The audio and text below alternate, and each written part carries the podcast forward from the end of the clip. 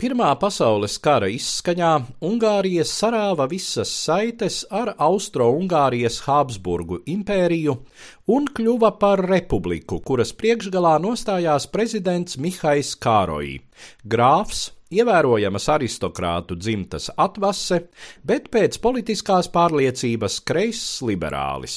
No Ungāru viedokļa viņi beidzot bija atguvuši suverenitāti, taču no Pirmajā pasaules karā uzvarējušo valstu viedokļa Ungārija bija karu zaudējušās Austro-Ungārijas impērijas mantiniece, kurai tagad bija piestādāms rēķins. Kāroji cerēja, ka jaunās neatkarīgās Ungārijas vārdā viņš vienosies par samērā saudzīgiem noteikumiem, bet vīlās uzvarētāji bija gatavi dāsni apmierināt Rumānijas, Čehoslovākijas un topošās Dienvidslāvijas vēlmes, atdodot tām divas trešdaļas kādreizējās Ungārijas karaļvalsts teritoriju līdz ar apmēram 3 miljoniem tur dzīvojošo Ungāru. Lai piespiestu Ungāriju piekāpties, uzvarētāji īstenoja blokādi, kas izraisīja smagu saimniecisko krīzi, pārtikas deficītu un praktiski pilnīgu kurināmā trūkumu. Smagajā 1918. un 1919. gada ziemā grāfa Kāroji popularitāte strauji ruka, un no revolūcijas un nākotnes cerību simbola viņš pārtapa nacionālā pazemojuma un kara likstu iemiesojumā.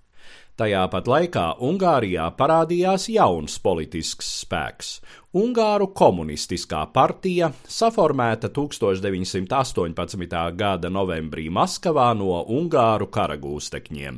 Atgriezušies dzimtenē šie radikāļi, sekodami savu vecāko brāļu Krievijas bolševiku paraugam, vairoja ietekmi ar skaļiem solījumiem un cerībām, kā ar padomju Krieviju kā sabiedroto Ungārija atkaros kaimiņiem zaudētās teritorijas.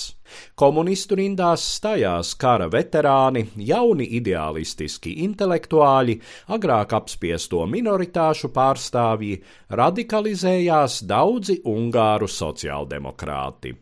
Kad 1919. gada martā Francija iesniedza Ungārijai ultimatīvu prasību atzīt jaunās apcirptās valsts robežas, grāfs Kāroji nolika valsts vadītāja pilnvaras, uzticēdams varu sociāldemokrātiem, bet tie tūdaļ iesaistīja valdībā arī komunistus, un 1919. gada 21. martā tika pasludināta Ungārijas padomju republika.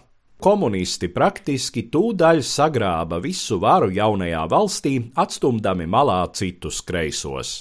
Arotbiedrību līderis Šandors Garbai gan formāli palika valdības vadītājs, taču faktiskā vāra piederēja ārlietu komisāram, komunistu līderim Belam Kunam.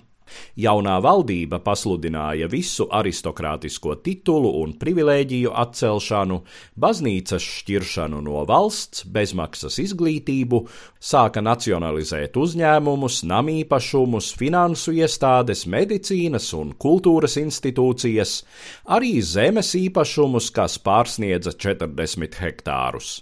Neiztika bez sarkanā terora, kas vērsās pret aristokrātiju, garīdzniekiem, bet pēc mērenāko sociāldemokrātu mēģinājuma 1919. gada jūnijā padzīt komunistus, arī sevišķi pret politiskajiem pretiniekiem. Ungārijas sarkanā armija izvērsa sekmīgu iebrukumu Slovākijā, nodibinot te Slovākijas padomju republiku. Tomēr padomju valsts mūžs Ungārijā nebija ilgs. Padomju Krievija varēja sniegt vien morālu atbalstu, toties Rumānija un Čehoslovākija īstenoja aktīvu kara darbību. Ungārijas padomju republika beidza pastāvēt 1919. gada 6. augustā, kad Rumānijas armija ieņēma Budapeštu. Demokrātisko republiku Ungārijā atjaunot neizdevās, Rumāņiem aizejot, varu pārņēma konservatīvās reakcijas spēki ar viceadmirāli Miklošu Hortī priekšgalā.